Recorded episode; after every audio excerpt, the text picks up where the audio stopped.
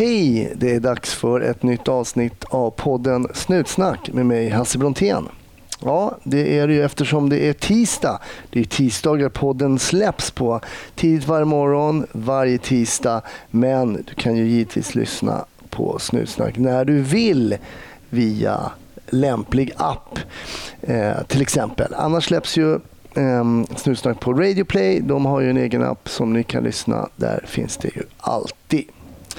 Idag heter min gäst Linda och hon jobbar med bedrägerier. Någonting som hon inte alls hade planerat att jobba med. Och så där verkar det vara för många oavsett om man jobbar som polis eller med någonting annat. Att det kanske inte alltid blir som man har planerat. Glöm inte att gilla Snutsnack på Facebook där vi finns eller följa mig på sociala medier där jag finns under mitt namn Hasse Brontén. Vill du köpa en skön snutsnackmugg eller en vattenflaska och ha i hängmattan i sommar gå in på snutsnack.nu så finns det lite grejer där. Ja, när jag spelar in det här så är det juni och det är varmt och skönt ute och solen skiner. Så glöm inte att smörja in er. För det är ju så att man ska vara försiktig där ute och vara det. Ha nu en trevlig lyssning. 1310 1070 kom. 1310 Odengatan kom. Ja, det är uppfattat. Vi tar det. Slut. Bra. Klart slut. Varmt välkommen till Snutsnack Linda. Ja, Hur är läget? eh, det är bra tack. Mm. Mm. Mm, själv? Det är bra, det är bra. Mm. Du klagade lite på att du har haft lite ont i halsen men det, det går bra va? Ja, det går bra. Jag kanske kommer hosta lite och så men det är lugnt. Ja, det är Mm. lugnt. Du jobbar idag som polis? Ja. Hur länge har du jobbat som polis? Eh, jag gick ut Polishögskolan 2008 i januari, så vad blir det? Eh, 11 och ett halvt år. Mm. Tänk vad tiden går. det gör det. ja, ja, Ja, tänk. Man säger det där som ens föräldrar sa, vad tiden går. ja, precis. Mm. Ja. Va, men hur kom det sig att du började jobba som polis? Eller yrket i sig? Var, Alltså, jag har inte varit en av de som har haft något så drömyrke, polis eller något så. Men jag har alltid gillat utmaningar. mm. Och eh, det var väldigt svårt att komma in på Polishögskolan då. Eh, och då skulle jag såklart testa. alltså, du, du var bara liksom ett se if I'm cut for the job. Liksom. Precis, ja. Så de bara testa och så gick det. Så du kom in på första då eller? Ja, eller, om jag minns rätt så tror jag att det var så att när jag var gjorde första test, eh, svenskprovet Mm. så var redan fystesterna igång. Så jag fick dagen efter jag hade varit och gjort svensktestet som jag klarade, att jag inte hade kommit in men det stod något så här sök igen. Och nästa gång så hoppade jag direkt på fystesterna så då kom jag in. Jag kom in men ja, jag var utomlands och så ringde de mig och sa att jag kom in på Polishögskolan men om jag kunde vänta en termin. Okej. Så det dröjde lite, jag var ganska ung, jag var bara 22 när jag började. Mm. Eh, så att, eh, och så fick jag en plats i Umeå terminen innan men jag hade livet i Stockholm och så, så då tackade jag nej och så väntade jag till en Stockholmplats. Okej. Som jag kanske ångrar idag, det hade varit jättekul att gå i Umeå. Jaha, var det inte kul i Stockholm eller? Jo, jo, men jag bara tänker att testa på något annat, ett annat liv, Just det, just det.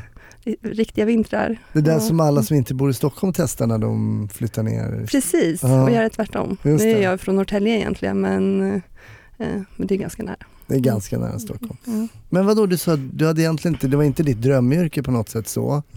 Du måste ha haft någon form av vision kring att ja, om jag kommer in så kommer jag liksom gå och patrullera på stadens gator eller hur, vad, vad tänkte du kring yrket då? Jo men så var ju verkligen så här, jag ska bli en polis och jag ska jobba yttre tjänst jämt och jag ska, ja men verkligen vara inte en av de som börjar på krim på en gång och jag ska verkligen jobba nätter och slita liksom.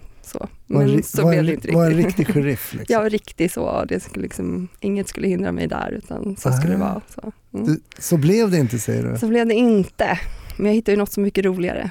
Ah, Okej, vi, ska, vi ska komma till det Ja, lite grann ja. men skolan då? Nu blev Mm. det ju inte Umeå, det blev Stockholm. Hur, Mm, hur, mm. var, hur var liksom att komma dit och hur var folk där? Och, Ehm, jag upplever ju att eh, jag kanske inte var en av de typiska som passade så bra in på Polishögskolan. Eftersom jag, varför nej men det var ju så här, det var folks drö- drömyrke, de har sett fram emot, de har satsat, det var liksom all in. jag ville ju liksom ha lite kul också. Och så var det bara att visste att jag pluggade till polis men ändå ja, men lite studietid sådär. Ja. Ja. Jag minns det första, vi skulle ha vår första tenta i termin ett. Jag tror att det var bara jag och en annan tjej som gick för det var fest dagen innan tror jag på, på den gamla puben som Mm. fanns som vi inte fick ha fester på sen. Ja, just där. Eh, och det var så himla himla roligt. Värt det, jag klarade tentan också så det går, det går att kombinera. ja, När man är 22 går det att kombinera det mesta med fest. ja. Och det var någon snäll kille i termin fyra som körde hem mig på natten där också som Ah. Så det, allting, allting löste sig. Mm. Allting löste sig. Mm. Okej då, så att du menar att det var lite skillnad på dem då som kanske kom med den här äh, drömmen om att alltid velat bli polis medan du då mer tänkte så ja visst jag ska plugga till ett yrke men det ska vara lite party och roligt också. Ja, men det kanske inte bara var det heller. Jag upplever också att många som till exempel, eh, nu kan jag helt fel vara ute och cykla, men många som kom från andra ställen i Sverige som flyttade hit för att plugga, de ligger också väldigt tajta med varandra. De ville göra mycket saker tillsammans, Mm. eh, de umgicks. Eh, jag hade ju redan mitt liv i Stockholm och Just det, men det där kan jag känna igen. Jag är ju mm. själv stockholmare och gick Mm, i Stockholm. Jag hade min flickvän och Mm, mina mm. kompisar och så. De som kom utifrån, de bondade lite mer och så. mm, Det eh, blir nog lite så. Ja. Mm, ja, men, så att, men det var, alltså, det var jätte, folk var jätteroliga, trevliga och så. Men ja, nej men så, ja, jag kanske inte var den typiska polisstudenten sådär. Nej. Mm. Men 22 är det lämplig ålder då? Vad tycker du? Jag var ju 21 då, Mm, så mm. ungefär lika. Vad, vad, vad, Mm. vad tänker du kring åldern att börja jobba som polis? Nej, men, jag tyckte väl att jag var vuxen när jag var 15 och det var jag ju definitivt inte. Och kanske när jag var 22 så hade jag, jag hade testat många yrken, jag hade gjort mycket, jag hade bott själv sedan jag var 16 till och från. Ehm, skött mig själv, jobbat extra mycket och gjort sådana saker. Så att till viss del så var jag ju väldigt mogen men till viss del väldigt omogen. Ehm, och jag känner att jag har nog aldrig haft ett problem med min ålder. Men jag kommer ihåg första gången jag var ute och jobbade när jag skulle gå och säga till någon människa. Jag har ju så respekt för äldre och sådär. Så skulle man gå och säga till någon en äldre man eller kvinna så här, du sätter dig ner och håller tyst liksom. Här är jag som bestämmer. Alltså den första liksom komma över det eller gå in i någon annans hem och bara ta över. Det var nog ganska, eh, ja men det blev nog en liten speciell känsla för mig. eh, Mm. Så. Men jag tror också att åldern är ju inte allt. Man kan ju vara lite olika som 22-åring. Jag kan Mm. väl säga att jag till viss del var omogen men också kanske mogen ibland. Så att, eh, det hade nog inte gjort någonting om jag hade haft några mer år. Alltså år. Nej. Men, ja. Nej, men det gick. Jag tycker att det gick bra. Men jag tänker på det, du berättade Mm. att man så här, ibland måste peka med Mm, hela mm, handen mm, och mm. kanske säga åt äldre människor och eh, hålla käften Mm, eller mm, någonting mm. sånt. Just den grejen är väl ganska svår generellt tänker jag. Just det. Jag, kan tänka tillbaks också. Jag såg, Mm. jag såg nog väldigt ung ut när jag var 21 Mm. också. Sådär, att de sa åt mig, äh, stick tillbaks till lumpen du vet, och sådär. Mm. Jag- Men eh, mm. jag kände, man hade inte riktigt övat på det där att vara auktoritär. För jag, jag vet inte, jag tror inte jag är så. Hur övar man på det? Nej men hur gör man? Jag Ja. vet inte. Men... Men... Övning på Polishögskolan hjälpte inte med det precis. Nej, precis. Nej men jag, jag tror att för, mig, för min egen del så kom jag nog in i det ganska fort. Eh, men också så tänker jag att eh, jag vet ju någon gång som det var någon så här, ja men när kommer den riktiga polisen? Är du någon så här sekreterarpolis liksom? Sådär. Så var lite sådana kommentarer men, Varför tror du att du fick en sån kommentar? Var det någon sekreterare polis? ja, men jag, säkert, jag minns det var en äldre man och sen så en ung tjej, jag, då tror jag inte jag hade uniform heller utan Ja. så. Men det finns ju också mycket fördelar med att vara eh, som jag när jag var ung tjej och jobba civilt till exempel. Mm. Eh, jag kunde ju stå bredvid två stycken som alltså dealar knark med varandra och de bara kollade på mig och bara det är lugnt liksom, det är inte snut. Liksom så. Ja, så just det. Det finns ju fördelar med det men också eh, så, ja, så kanske jag inte såg ut exakt som en, ja, men, som man tänker sig en polis. En klassisk polis. Ja fast nu, jag tycker att hur ser en sån ut egentligen? Det har ju verkligen ändrats också tror jag Mm, de senare mm. åren. Mm. Hur var det då att komma som ung tjej till, för det är ju, det är ju rätt mycket snubbar liksom Mm. inom polisen, att komma som ung eh, tjej och sådär. Hur, hur blev du bemött där tycker du då? Helt ärligt så tycker jag nog att killarna var schyssta. Jag tycker att ofta tjejer är, är mer oschyssta mot varandra. Är det så? Mm. På Eh, vilket, på vilket sätt kan du känna en skillnad där? Nej men det är, nu, nu är det en liten del av många kvinnor, men Mm. att det ändå, det kan ofta bli en viss konkurrens eh, mellan kvinnor. Eh, så, och den är så tuff. Så. På vilket sätt skulle du säga att det är tuffare än för oss som inte är kvinnor? Nej men, gud, nu blir det här kan bli så hur utdraget som helst, men om, om, om man tittar lite på tillbaka kanske som eh, de nu gör jag inom citationstecken tjejserier för barn och så här, du vet de klär upp sig till klänningar, man bedömer varandras utseende liksom och så. Man tittar inte egentligen på vilka människorna är och det, det följer lite ofta med tjejer så här att eh, många tjejer kommer att känna igen sig i det här att det första som händer är att man tittar in någon och bedömer lite hur ser hon ut, vem är hon och så vill man gärna hitta lite fel eller så. Att det, Okej. det, det kommer, den kommer ganska snabbt hos vissa. Mm. Eh, och ja, Så där tyckte du, nu ska inte jag lägga ord i din nej, men, nej, men jag... men jag, du sa i alla fall mm, att du tyckte att det var inga problem med killarna. Nej. Nej, jag, nej, nej. Ehm, och eh, alltså, de flesta tjejer var jätteschyssta och sådär, men jag kan ändå uppleva att det var en viss konkurrens med vissa ja, kvinnor. Så. Mm. Också kanske då för att man är färre tjejer också.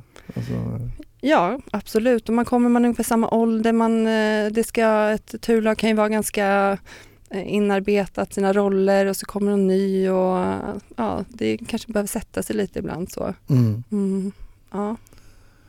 När du, efter du hade gått plugget och var klar med det, hade du någon feeling för liksom vad du, var det fortfarande det där som du hade i början? Att jag ska ut, jag ska jobba natt, jag ska ha uniform eller var det det som var grundtänket? Eller? Ja men det var det eh, verkligen. Eh, det var det jag ville göra. Men jag hade ju turen att få vara mm, på Klara Näpo eh, och jobba lite på Plattan och, och så. Och eh, drillas lite in och jaga, jaga knark. Eh, Hur var det då? ja men det var ju skitkul. Alltså det var ju verkligen jätte, jätteroligt. Och jag hade väldigt gärna velat fortsätta jobba där. Eh, så. Eh, nej men det var ju eh, några månader av, eh, ja det var som att eh, tre år i skola eller tre år i att göra någonting annat. Liksom man, allting hände och det hände hela tiden. Mm. Och jag hade sån tur att få jobba med så många erfarna poliser och som också lät en testa och köra och peppa och så. Väldigt bra stämning, bra, bra gäng verkligen. Mm. Jag håller med om att det är roligt. Vad, vad skulle du beskriva är det roliga i det? Ja men alltså om någon, att, att någon har knark på sig och de vet att nu kommer någon ta mig. De vill ju fan göra sig av med det där knarket eller springa. De har liksom ingenting att alltså, vinna på att stå still och bara vänta. Och det är det där som är det där äh, ögonblicket och liksom fånga det där och fånga dem. Just Ja, det. ja så. Eh, och det är adrenalin och, och så. Men också mötet med många människor. Mm. Jag har ju, ja men, man träffade ju folk om och om igen. Jag vet ju, vissa kom ibland och såg så risiga ut och, och ändå liksom, de snackar ju och man fick ju någon sorts ja, relation till vissa, vissa Mm. där nere. Mm. Jag vet en gång när jag fångade en som, eh, vi höll i armarna på honom, han bara kastade piller ur hela jack, eller mm, tröjärmen, liksom bara över hela, ja men hur många som helst. Eh, då kom ju två stycken och började plocka upp dem där. Och en av dem kom och gav alla piller, alla var det inte, men han gav kanske nästan 90 av alla piller till mig liksom så, och den andra bara drog med dem. Liksom, Ah, så. okej. Ja, så att, eh, ja. Hur skulle du säga, du berättade om spänningen här Mm. liksom och, men du sa att man får en relation. Hur skulle du säga att relationen var mellan dig som polis då, som grep eh, de här nere på plattan Mm. och hur, hur var den? Ja men, alltså, man är ju verkligen inte, inte på samma, det är liksom inte samma våglängd på ett sätt för att de, de vet ju att jag kommer ju, jag kommer ju ta och plocka dem så fort jag har chansen. Mm. Så. Men att ändå vara schysst på något sätt, att man var schyssta mot varandra. Mm. Och det var någon sorts respekt eh, mot varandra. Eh, ömsesidig så Mm. bland de flesta sådär. Och jag, nu vet inte jag det idag, men jag har ändå fått en liten bild av att det där ändras lite grann. Det är mycket, mycket eh, fulare efter de här tio åren. Liksom. Och att det har hänt ja. grejer ja, sedan dess? Ja, så. Att det ändå var, det, ja.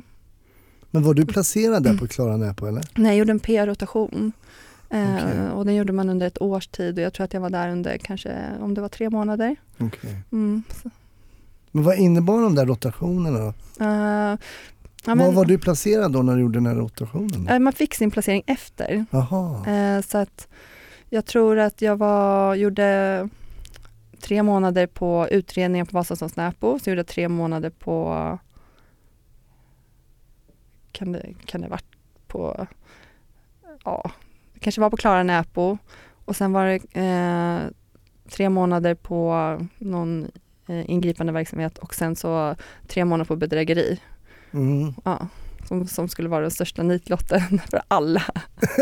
Bedrägeri Ja, eller? ja det, var, det var känt som det, stackars dig du fick bedrägeri. Ah. ja, man kunde få lite mer coola saker lite mindre coola saker. Mm. Okej, så det var ryktet innan ja, liksom? ja. Det där är intressant för att jag känner igen alla de här ryktena som Mm, gick och vad som var mm, bra, mm. vad som var dåligt och vad som var tråkigt och vad som var toppen. Och det stämde inte alltid. Men hur var det för dig att komma till det här tråkiga bedrägeri då? Nej, men, jag tror nog att till en början så jag hade ju den inställningen, jag skulle vara där tre månader, inget mer. Eh, och de första tre månaderna kanske inte var någon så här jättespeciell rolig upplevelse så att jag, jag minns det knappt faktiskt.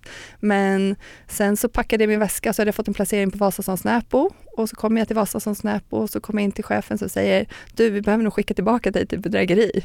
Eh, för att de eh, handlade om resurser, att man hade mycket eh, så att man skulle dit. Så då fick jag bara åka tillbaka och då var jag dessutom gravid.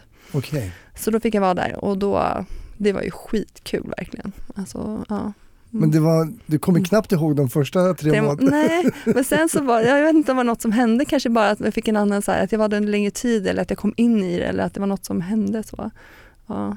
Så, hur gillar, vad gillar du med att jobba med bedrägeri då?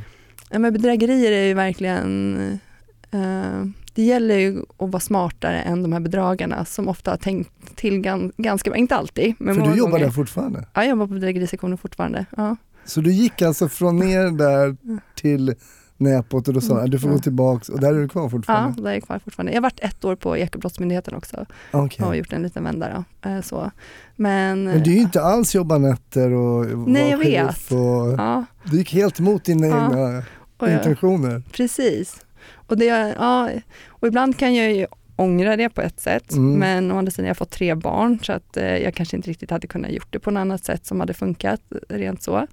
Och det är ju inte slut än, man har Nej. ju fortfarande möjligheten. Precis. Men eh, det har varit så himla kul att jobba med bedrägerier och jag känner ju bara att eh, det blir roligare och roligare. Är det sant? Ja. Det utvecklas ju hela, hela tiden. I början var det ju så här, men enkla, någon som sålde något på Blocket och inte skickade varan. Mm. Eh, eller någon betalade för något på Blocket och sen fick de aldrig varan. Liksom, så. Till att det blir triangelgrejer där liksom gärningsmannen aldrig blir riktigt synlig i det här. Så att det, så att det är, Okej. ja, att, eh, ja, men det är, att det är eh, någon person som sätter ut och ska sälja en iPhone till exempel Mm. och sen så eh, får, vad heter det, bedragaren eh, en, en tredje person att betala för den där iPhonen fast de tror att de köper en annan, men- men bedragaren åker och hämtar den där iPhonen. Så att de gör liksom hela, så att bedragaren blir aldrig synlig i någonting. Eller de använder telefoner på eh, på typ en tobaks, tobakskiosk eller någonting för att betala för den och de liksom ska komma runt allt det där. Och nu ringer de ju runt till äldre personer och får dem att logga in på sin bank och Mm. de låtsas vara banker. De, ja men, det finns ju bedragare som får folk på stan att gå och plocka ut pengar för att de liksom manipulerar dem på det sättet. Oh my god. Alltså Ja. typ nästan någon sån sol och vårar ja, jag vet inte om det grej, var... alltså. en- Raskenstam. Ja, men den här, det var ju en snubbe som gick på stan, så stod han och så kom ju folk och så sa han att han var med i Swedish House Mafia liksom, eller något sånt där, eller så olika band och sen så, så fick han bara, så här, satt de fika med och pratade engelska och fick att managern ringde och sen så var det strul med liksom själva eh, någon, eh, någon grej och och då skulle, måste de plocka ut pengar men då var banken stängd och, och så får de här, du vet någon stackare liksom plocka ut de här pengarna. Så, och du vet, ja, bara det här. Förstår att du bara ska kunna gå på stan och bara två timmar senare ha fått ut 20 000 i handen. Det är helt otroligt. Ja. Ja, det, det är så otroligt låg moral hos en del av de här Mm. bedragarna att lura då. Mm. Man pratar om, du berättar om äldre och, Mm.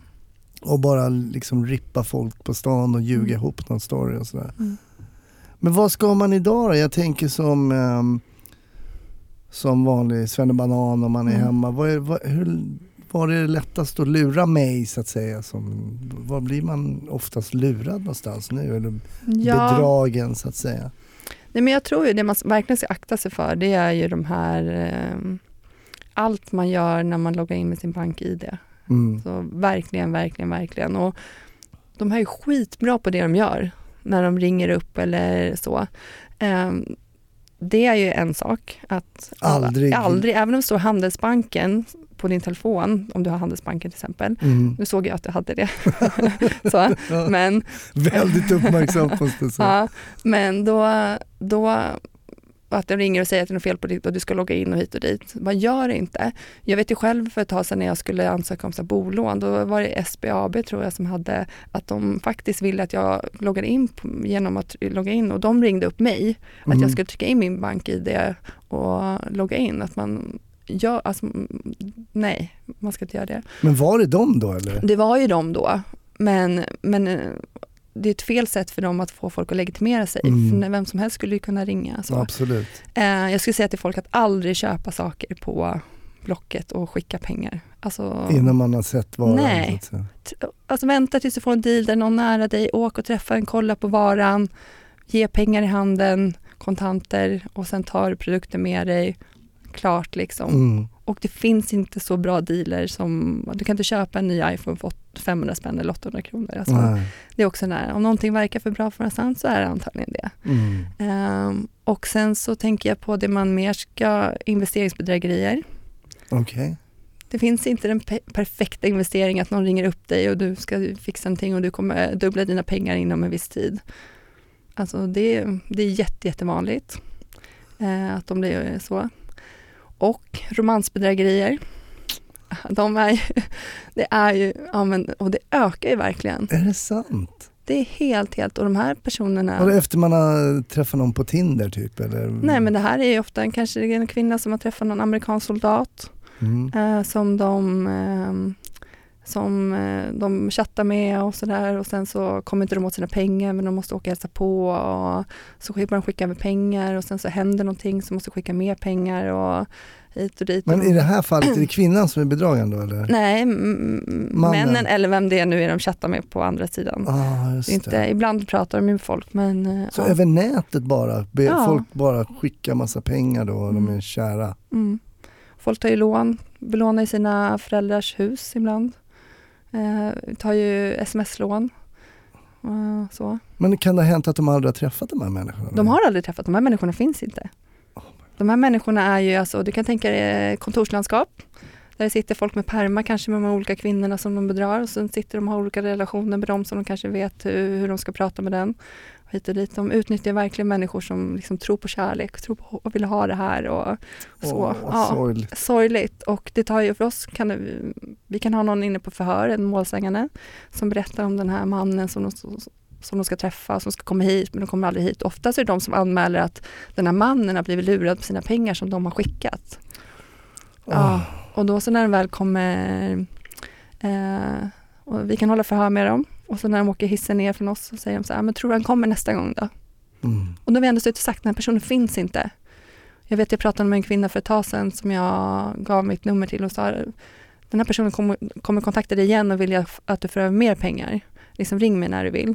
Eh, så vet jag att hon hörde av sig och så sa hon någonting och så sa jag så här, jag, jag hör att du inte tror på mig, men det är så här, det här, den här personen finns inte. Hon sa ju det, att hon bara, jag hör vad du säger men jag tror faktiskt inte på dig. Det här är liksom mitt livs kärlek som ska komma. Mm. Och det är ibland miljoner som går iväg. Så det är en hel business det här Mm, alltså? Man sitter, du berättar att man har pärmar och, och bara sitter och ringer. vet inte jag hur det ser ut på exakt på varje men, Men det, man har någon ja. form av logistik, alltså Ja. man, eh, sen om det är pärmar eller Mm, Excel mm, eller mm. någonting. Men det är verkligen en, en stor Mm. business Ja. det här. Och de här pengarna går inte att spåra. De går ju ut via Western Union till något Mm. land där liksom Ja, då ska man ta reda på vem som plockat ut dem där via Western Union på någon kiosk någonstans. Alltså, det. det går ju inte. Nej. Det är inga För jag har blivit uppringd också från något utländskt nummer. Mm. Och då var det vid något tillfälle som jag pratade med det här, det var en tjej som då ville att jag skulle investera. Så, men du kommer aldrig få mig att investera. Mm, mm. Men jag tänkte, jag, jag hade inte bråttom så jag pratade ganska länge med henne, Mm. säkert 10 minuter, en kvart. Mm, mm. Hon gav sig inte, hon gav sig inte, hon gav sig inte. Och sa så här, men vet du, att skicka några pengar eller något sånt där, det kommer inte hända. Men otroligt eh, vältalig och eh, förklarade då hur rik jag skulle bli och sådär. Och jag förstår att, jag menar, det beror ju på var man befinner sig i livet, man är olika stark och svag liksom. Mm. Eh, att man i vissa fall kanske skulle kunna ha blivit lurad själv, jag vet inte. Ja men det är ju, de är ju så otroligt, det är det som är lite, de är ju så himla bra på att snacka in folk på olika saker. Mm. Mm. Förut man- fick man prata om de här Nigeria-breven. Mm. Som då kom, då fick ju folk hem fysiskt skrivna Mm. brev Ja. som var så här att ja, det är någon prins någonstans eller vad som, och vi måste bara ha ditt kontonummer. Det var väl så det började. Mm. Men det här kommer väl mycket digitalt sånt nu också? Ja, och tänkte du att de har mejlat ut till massa, massa människor. Det finns en enda som svarar på det här och går igång liksom. Och sen försvinner, Mm. börjar de sätta in pengar så blir det mer och mer och mer och mer. Och mer. ja, det är helt otroligt. Mm. Men ja, och de här, de här personerna finns inte. Det finns ingen guld någonstans. Det finns ingen investering. Så ibland undrar man bara om de här människorna är ensamma, att de bara vill ha den här kontakten. De har ingen, men nu har de någon som ringer dem varje dag och, och pratar om pengar. Att, att det kanske egentligen, de fattar väl någonstans att de här pengarna inte finns, men de bara är så Mm. glada att få den här kontakten med någon. Sitter och Ibland. pratar om hur de Ja. mår. Och, Ja, om my friend liksom. Så, Ja. och sen så bara, nu har jag en bra investering till dig här och sen så blir det lite pengar och sen är det bara 5 000 hit och så blir det 10 och så blir det 5. Men om man ser på långa loppet, det blir enorma summor Mm. som personerna, kanske vissa har dem, som sen, de, sen tar de slut. Mm. Vissa till och med tar lån för att fortsätta då, för sen ska de ju säkra sina pengar. Nu får du bara betala tillbaka 200 200 000 till så kommer du kunna plocka ut dina. Om du inte gör det så får du inga. Så har man redan betalt en miljon, Mm. då kör man på. Mm. Jag tror jag gjorde någon aspirant uppe på bedrägeriroden. Kan det ha hetat så här keb för någonting? Ja. Eller någonting på Ja. min tid. Ja, jag vet inte. Nej. Då var det också lite så här förfalskade tavlor och har ni något sånt där uppe? Nej, förfalskade tavlor tror jag är på, vad heter den eh, gruppen då som kör, um, ja, eh, vad heter det? Åh, det sitter jag här. Ja, Mm, ja men de, det är nog en egen, egen grupp som kör, okej. jag vet ju vad han som, ja, några som jobbar där, jag varit där och kollat också, de körde mer sånt. Nej, vi, nej. Inga så, förfalskade tavlor? nej. Ehm, och nej, det gör vi inte. Nej. Mm. Men okej, vi ska passa oss då, Blocket och, och så vi ska inte ge ut vårt bank-id såklart. Och vi ska inte bli vi ska inte eh, bli kära i folk som inte finns. Som inte finns, nej. Nej. Och de har ju faktiskt nu också börjat facetima och sådär men så här, nej, skicka inga pengar till folk. Alltså så. Som du inte Eh, känner och nej. som du inte har träffat. Som inte, nej. Och samma sak, det har varit en lite Facebook-grejer också när man, eh, när de kapar ens Facebook och skickar till kompisarna att man har problem med, med pengar när man är utomlands och sådär, att folk ska föra över och sånt. Ah, okej. Också nej. Prata med, det, med den som i sådana fall ringer upp om det är någonting. Eh, något Hur menar du annat- då? Prata med... Nej men jag tänker så här, om, om du får ett meddelande från mig på Messenger, så här, du är lite i trubbel, kan du, det. kan du skicka lite, kan du swisha lite pengar till mig eller någonting så. Ja men ring upp mig då och snacka. Så, Just det, för alltså, det, kan, det kan vara hijackat bara liksom, så att ett messenger-meddelande räcker inte utan då ska Nej, vi prata ja. in person. Liksom. Så. Och många nu som vi säger, min kollega till mig satt nu när jag gick hit och satt och läste eh, anmälningar, alla nästan som blir lurade på Blocket säger ju till, själva skriver ju till bedragaren, jag har blivit lurad förut så jag hoppas du inte är någon bedragare och så swishar de ändå över pengar. Okej. Man gör inte. Men sen också något som är väldigt, som jag tänker, alla som har eh, unga tonåringar eller tonåringar eller unga vuxna i, i sitt liv, det här med penningtvätt. Mm. När eh, man utnyttjar unga personers konton för att plocka ut brottspengar. Okej. Att till exempel, ja men i de här, du, när folk ringer upp till exempel en gammal person och säger att eh, ja men det är från banken, du behöver logga in på ditt, din bank och sen får de att logga in och sen så sätter de över massa pengar på ett konto på banken och säger kanske till dem, nu får, nu får du trycka en gång till eller någonting så. Och sen när de här pengarna går iväg så kanske de går iväg till massa 10 000 till flera olika personer och då har de massa ungdomar som använder för det här. Så snabbt står Mm. beredda att plocka ut de här pengarna. Och de här ungdomarna tror ju att, har ju kanske hört då att du tjänar 500 spänn eller någonting och göra det. Det är helt riskfritt, det är bara att du säger så här om, då, om det är någon som kontaktar dig. Eh, så. Okej, så men- de använder liksom ungdomar som någon typ av målvakter? Ja, här. för att plocka ut de här pengarna så att de inte ska kunna visa, visa sina egna konton. Vad smart. Ja. Och så får de en liten sudd för att de gör Ja. det då? Och så säger de så här, ja men du om du eh, rekryterar två, eh, en kompis till så får du 500 spänn per kompis. Så, och sen Ah. så sprider det så här. Och sen så för ungdomar så 500 spänn är ju ganska bra, en tusenlapp eller 2000 om du får några kompisar som också gör det här. Just det. Och så har man läst på Flashback att det är att, att det är bara att säga så här så är det lugnt. Men jag säger nej, det är inte lugnt, det är inte okej. Mm. Åh, vad smart. Ja Mm. men precis, man tänker tillbaka på man- ett tag var det väldigt mycket värdetransportrån Mm, och mm, där mm. har man inte liksom tillgång, eh, kontanter inte ens riktigt, lika Mm, intressant mm, längre. Då mm. måste man ju De måste få ut de här pengarna. Och de ska ju, ut de här pengarna ja. på något sätt. Ja. Mm. Och då gör de så här. Och det är ju så här, vi håller ju förhör med penningtvättare som de ofta är så här, jag träffade en snubbe som ville köpa min klocka som var värd 70 000. Vad var det för klocka? Äh, det vet jag inte. Va- vem var den här snubben? Är det någon snubbe? Och sen swishade han pengar till mig som jag plockade ut till honom. Så det är ju, det är rena lögner liksom. Och det, Mm. det håller ju inte såklart. Men, Nej. Men det är många ungdomar som råkar illa ut för det här. För att de kommer ju eh, kunna dömas för det här. Men hur, hur ser det ut för er då när du har det här på ditt bord? Mm.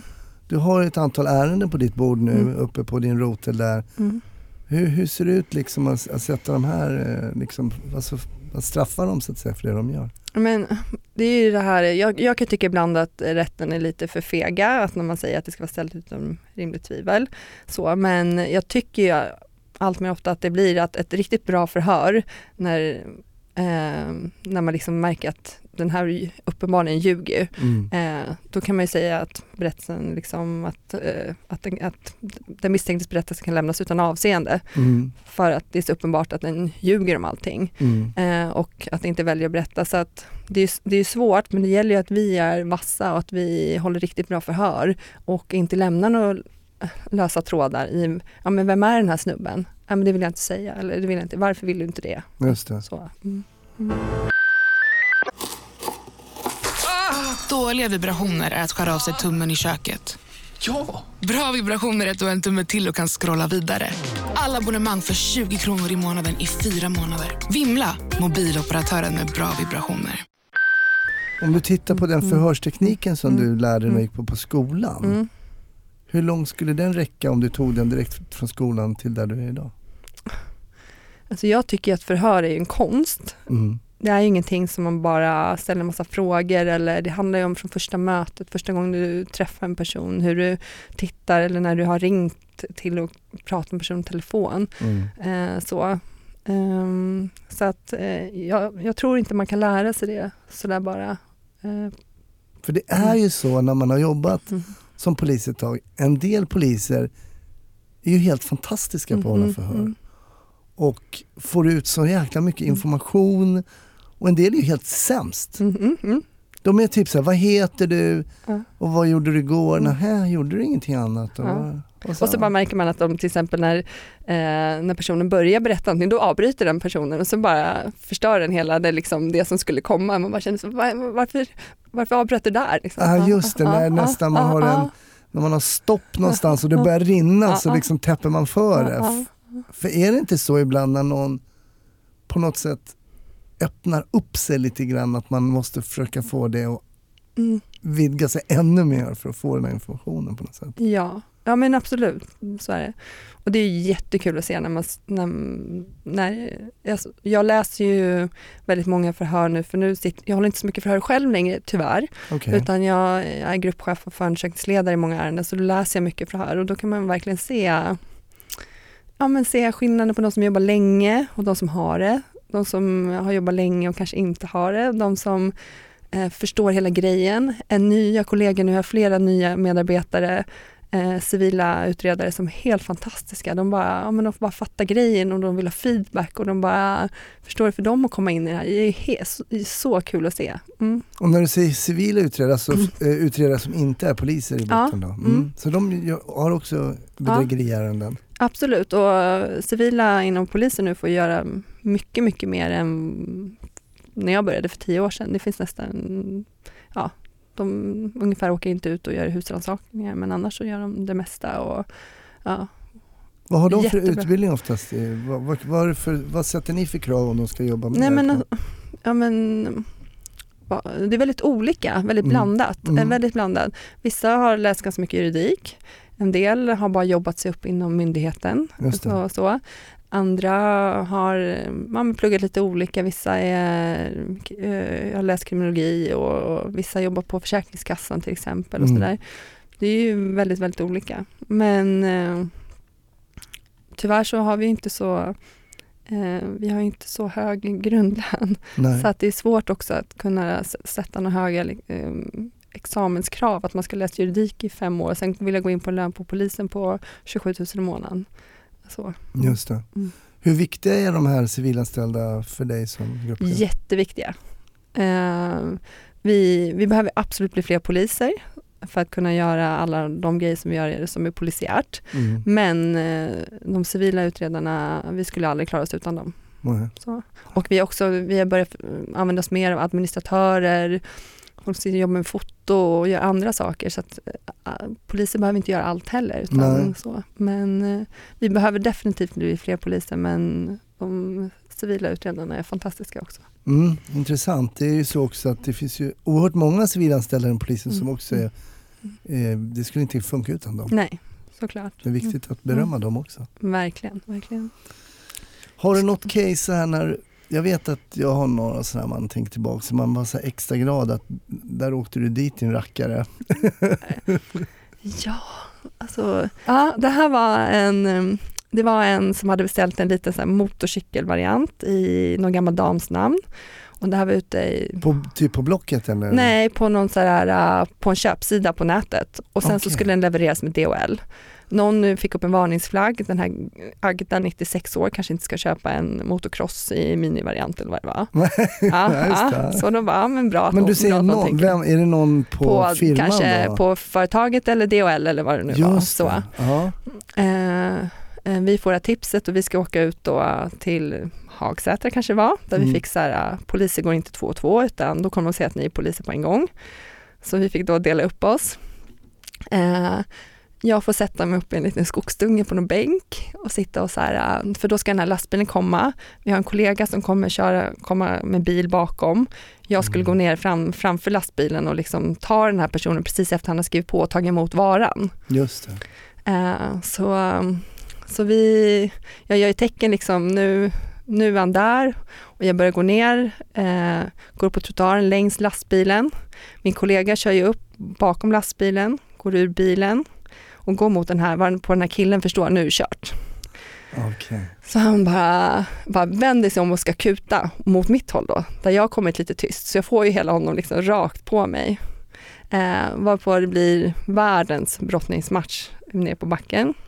Du, du, du hinner ta tag i honom Ja, ja för han springer ju rätt in i mig. Alltså det är som en, bara en vägg så här. Liksom. Aha, Så. Okej, Eh, inte för att jag är en vägg så, men typ. ja, Eh, ja, så, men vi får tag i honom, vi får ner honom backen och liksom verkligen så här, eh, tre personer tror jag vi ligger på honom och han, du vet, ja, men när en person vill, de blir starka. Alltså folk som säger att det är bara att ta något fint grepp och göra något snällt, det, det går liksom Nej inte. men då har man ingen koll. Nej, Nej. Det, är jätte, det kan vara Ja, jätte, jättesvårt. Ja. ja.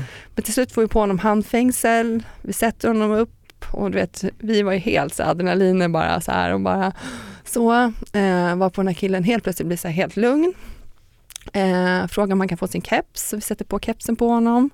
Han, eh, vi, vi ställer honom upp lite försiktigt eh, och han eh, säger min kollega bara, du är gripen, du ska med. Eh, ska han in i bilen. Då får han ut ena handen ur handfängslet Du skämtar? Mm, ja, vevar med det andra fängslet mot kollegan Åh, och, då, är- ja, och, var, och börjar kuta. Eh, Och jag tänker så här, jag springer rätt mycket, det är lugnt liksom, jag börjar kuta efter. Eh, men när han springer så tappar han massa saker varpå jag tänker så här, ska jag springa efter honom eller ska jag plocka upp sakerna? Liksom. Eh, men då stannade jag och plockade upp sakerna och han var, sen var han bara borta. Eh, så, I ett område, han kände ju till det, liksom. jag hade ing, ingen aning om massa hus. Mm. Men av de grejerna vi plockade upp, då var ju hans hemnyckel där. Mm. Som, som vi, så vi kunde ju Kunde ringa hans den? mamma sen så fick de komma in till polisstation med en handfängsel dagen efter. ja. Ja. Jag tror man gjorde en husrannsakan först med att han inte var på adressen då eller någonting. Ja. Men alltså den som la på fängslet, det måste vara tårta på den ja. Jag kommer inte riktigt ihåg, jag tror att alla skyllde på varandra. Ja, ja. Jag tror faktiskt det.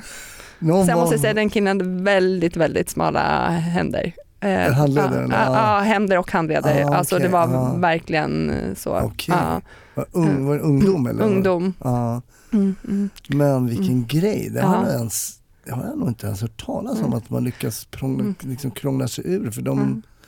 ja. Ja. Ja, så där lärde man sig någonting från den. Och just också när jag tänkte tillbaka att helt plötsligt bara lugnade han ner sig och bara så, då tänkte jag, då var då han fattade. Ah, jag kan komma undan Ja, här. ja. Så, mm, Ah, shit. Mm. Men eh, Mm. det gick inte. ja. så lärde man sig att man kanske är två som håller i och gör lite annat också, har lite koll. Ja. Inte, men det, ja.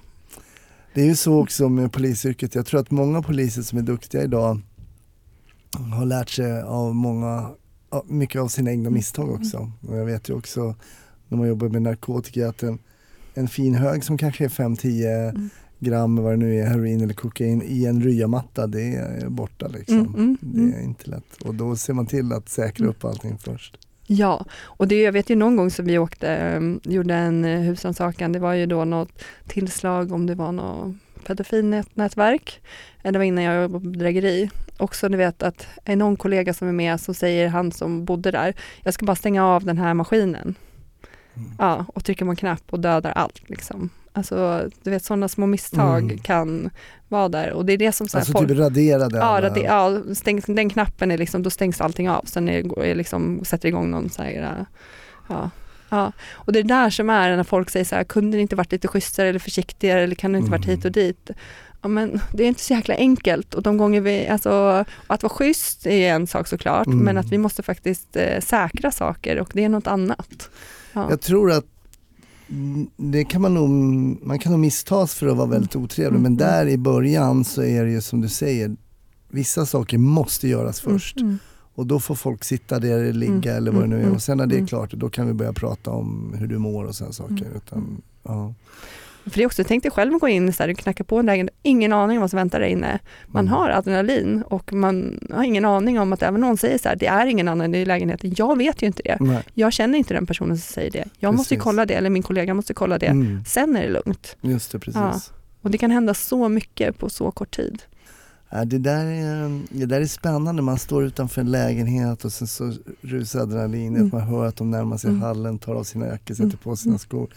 Det är, det är någonting där Mm. som, du beskrev det att det är Mm. obehagligt och det är det också, Mm. men det är någonting som också är, Lite beroendeframkallande. ja det är någonting i det där, Mm. konstigt men så är Mm, det. mm, mm. Ja, men en, en av de grejerna som jag känner som kanske har varit mest polisiärt, som jag känt som har varit en sån där grej som eh, det var en gång när jag fick åka ut på ett ärende med en, en som hade tagit livet av sig. Fast vi visste inte det då, utan vi åkte på ett larm och fick slå in ett fönster och jag var väldigt ny och fick krypa in i, genom ett fönster som har slagit sönder och öppna upp åt de andra och så och sen fick vi påbörja hjärt och lungräddning då. Eh, och göra det Men när du, var det du som upptäckte den här personen då? Nej, vi fick ett larm att, från en släkting, tror jag det var, som var orolig för den här personen. Och Mm. eh, jag var den enda som kunde krypa in, för jag åkte verkligen med, jag är ganska lång själv, Mm. men jag åkte med om man säger riktigt stora kollegor. Så att Okej. genom den här lilla, som vi slog sönder det här fönstret, så var jag bara jag, så fick jag öppna upp åt de andra. Men att gå in, just den här känslan av att gå in i en lägenhet man inte vet vad som väntar eh, och runt hörn och så. Mm, eh, det var en, och när det ligger en kropp där också och att påbörja hjärt och lungräddning eh, på en, en människa och den känslan och alltså jag kan nästan känna det fortfarande i fingrarna och det ljudet kan jag fortfarande höra. För det är ingenting som, Vad var det för ljud då? ja men det är nästan, du vet som nästan luften som pressas ut. Alltså det, ja, det går inte riktigt att beskriva men det är som nästan pysa fast det är mycket starkare än så och nästan lite kras. Fast det var inte någonting som gick sönder heller, jag vet inte men det var så och jag kan känna det i händerna fortfarande. Så det är absolut någonting som ligger Mm. kvar hos dig? Ja, ja men det gör det. Vad hände med den här personen? Då? Eh, hon- det var kört redan, vi satte ju på så här, ehm, eh, vad heter det, defibrillator men, Mm. men det fanns inget kvar, det hade gått för lång tid. Så. Men det är ju sorgligt och hon hade barn och så också. Vad, Så. vad var det för ålder ungefär? På kvinnan, ja kanske var 35 Okej. någonting, så Ja. ung och så. Mm. Sådär. Eh, Vad tänker du när du åker hem från ett sånt pass? Men, och det, det här är ju verkligen hemskt egentligen men eh, på ett sätt är det bra. Man har ju kollegor som man pratar mycket med men, och det sitter ju kvar i en men på något sätt lämnar man det. Det är jätte, jättekonstigt alla de här människorna man träffar, de tragiska mm, allt, allt som är sorgligt och tragiskt och döda människor. Jag åkte på en annan, det var en människa som, vet, som dog som också, telefonen ringde hela tiden men man liksom, det finns ju där Mm. och man jag lever med det Mm. men jag går ändå vidare och kanske borde påverka mig mer. Det är jättekonstigt, jättekonstig känsla. Har du tänkt på det där någon gång? Jag tänker på när du berättar att det är en död Mm. människa och så Mm. ringer den personens telefon. Mm, mm, Någon söker då den här Mm, personen mm, som mm. aldrig mer kommer kunna kontaktas. mm, mm, mm. Och att livet bara sen fortsätter. Mm, mm. Ja men det är det som är så himla, och det är nästan sådär att det borde kännas mer. Det Mm. borde så. Mm. Och då känner jag med mycket som jag varit med om på jobbet att, att ja, det kanske krävs att man har någon viss tankesätt att det är och det här är, är någonting annat. För Mm. annars tror inte jag, jag skulle nog inte kunna fun- fungera annars. Och jag tycker ändå att jag reflekterar mycket över sånt och tänker mycket på sådana detaljer och eh, med barn och med familj och undrar för den och så men, men ändå så, ja släppa och, och gå vidare. Hemskt. Ja, eller bra. Alltså vad, Mm. Om du inte hade kunnat släppa de här sakerna då och bara Mm. lassade på dig då. Mm. Det kanske hade varit ännu mer hemskt. Mm. Att man kan separera på något sätt yrket och privatlivet. Mm. Du berättade också att du har tre barn. Mm. Hur är det då när de berättar att mamma är polis och så här, Ja, ja, men Säger de, du bara det är lugnt, jag är på bedrägeri, Mm. bedrägeriroteln. Det nej, men händer de, de är mycket." ganska små än så länge, de är fem, sju, nio. Okej, ja. Eh, så att eh, de har inte riktigt sådär uh, fattat ehm, eh, de ty- ja, de, innan tyckte de inte ens poliser var så häftiga men nu så säger de ibland att de vill jobba som det, det och något annat ofta så det är kanske inte så roligt i alla fall. Men, eh, nej men de, däremot så är de nog ganska så här, de tycker nog att jag, det är bra att jag kan fånga tjuvar liksom. Så det tycker de är bra. Mm. Ja, ja, sådär. Det tycker de är, är bra, mamma som kan fånga tjuvar. Vad kommer du ha för inställning då när äldsta säger men jag söker polisskolan? Ja, det är svårt det där. Det är svårt. Eh, nej men jag tycker så här, men gör det eh, och i sådana fall var nöjd över det. Gnäll inte över det. Eh, det finns så många gnälliga kollegor ute som är så gnälliga över allting. Eh, då får man göra någonting annat tänker jag. Så. Mm. Ja men De här eh, gnälliga kollegorna, vad är, vad är det man gnäller på? Nej, men-? Ja men gud, det känns jättehemskt att säga men Nej, men jag känner igen det också. Att jag tycker Nej, men att, det är så mycket de- som, är, som man gnäller över som inte är bra, så ibland kan jag känna så här, men gör någonting annat då, som är bättre. Mm. Så. Ja. Och det kan, ja, men jag förstår ju, jag tycker absolut att man ska kämpa för en högre lön, Mm. men det är en sak att kämpa för en högre lön och en annan sak att sitta och gnälla över den lön man har. Mm. Alltså, det tycker jag ändå finns en viss skillnad. Mm. Eh, samma sak med arbetstider och sånt där. Jag tycker man alltid kan kämpa för och jobba för och så. Men, eh, men när det kommer till att det blir för mycket gnäll, då tycker jag faktiskt att då ska man se sig och byta arbetsplats kanske. Mm. Mm. Åh, jag kom på, nu kom jag på Ja, en grej för det. Ja, ja, det, Vi hade ett ärende, eh, vi fick ett tips om några som hade tagit hasch till Sverige från Spanien och så var det två spanska killar som var så här modeller. Mm. De var här och modell, var helt oskyldiga, de hade inga pengar, de hade ingenting. Och, så här. och med tanke på att det här var för några år sedan då så här hittade vi filmrullar. Mm. Det gör man kanske inte så Nej, ofta nu nej, för nej. tiden. då skulle man bli misstänksam. Ja, för sådana saker. Så vi framkallade dem där. Då Mm. satt de med så mycket kontanter som Mm. de hade lagt på tallrikar med så här kniv och gaffel. Och Ja, det där är det bästa. Ja, så då Mm. hörde man dem, nej de var så fattiga och de grät och det ringa mamma i Mm. Spanien Mm. och de var helt oskyldiga. Mm.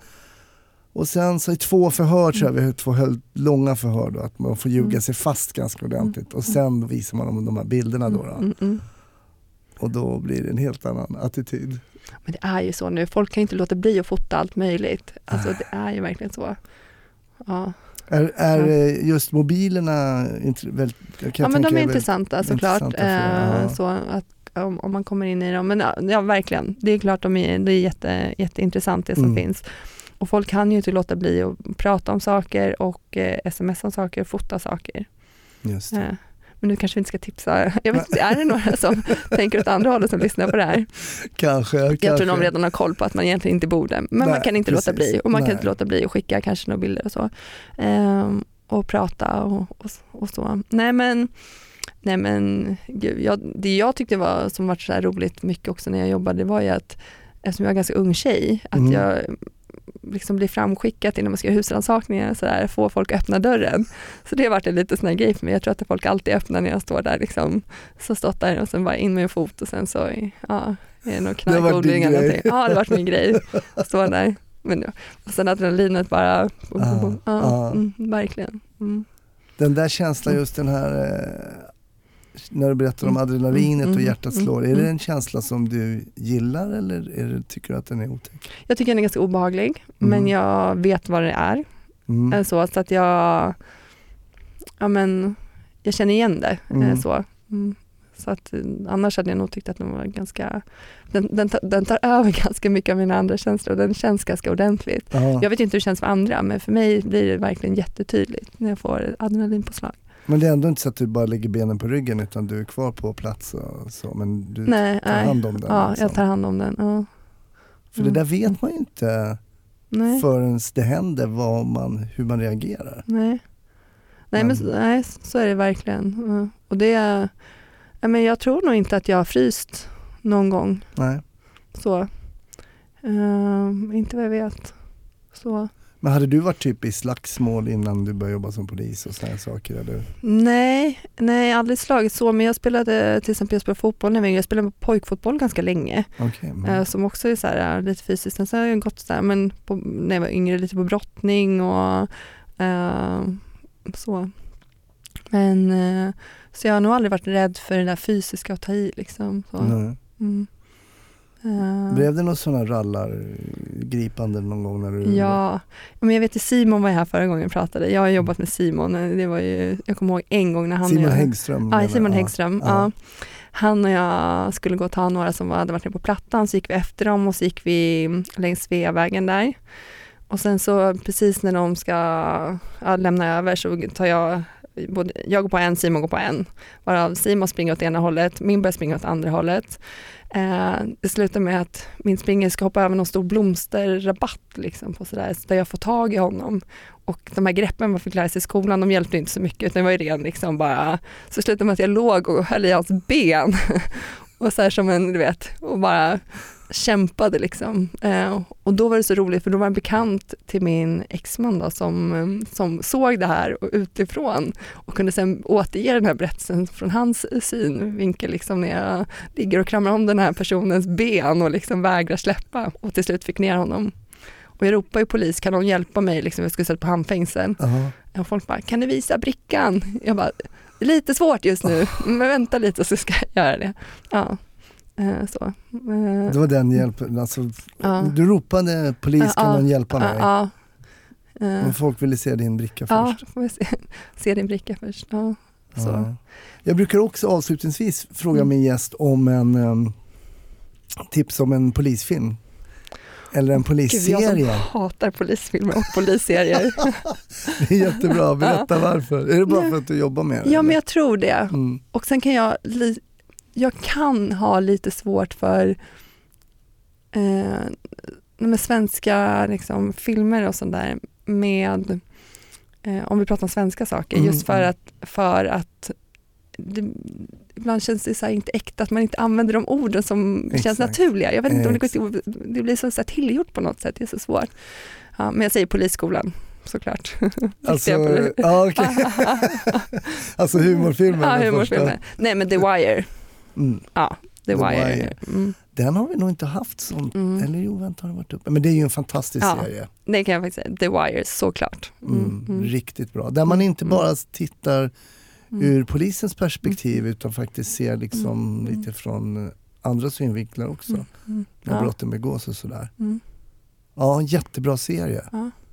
Kul. Ja. Bra tips Mm. Linda. Mm. det- Man får tipsa om vad man vill men Ja. jag tycker i alla fall den är bra. Polisskolan var inte lika bra tips. Jo då, den är okej men den, det var så länge sedan jag såg den nu. Jag tänker så här, undrar om man ska skratta åt den lika mycket Ja, nu. det är frågan. Ja. Ja. Nej, det vet jag inte. Vi lägger Ja. båda. Vi Ja, lägger båda. Men The Wire, verkligen. Ja, Ja. om vi går för det. Mm. Jättebra. Stort tack Linda för att du kom och gästade och berättade lite om de här grejerna som man inte tänker på, bedrägerierna och blocket och att man inte ska lämna ut sitt bank-id och sånt. Eh, viktigt för det försvinner mycket pengar där från eh, folks konton. Verkligen. Mm. Stort Tack, tack. så mycket. Tack! Stort tack för att du lyssnade på ett avsnitt av Snutsnack. Det kommer fler, det lovar jag, i redan i nästa vecka. Ha nu en fantastisk vecka fram tills dess. Ta det lugnt och ta hand om er och gilla Snutsnack på Facebook. Ha det fint. Hej då!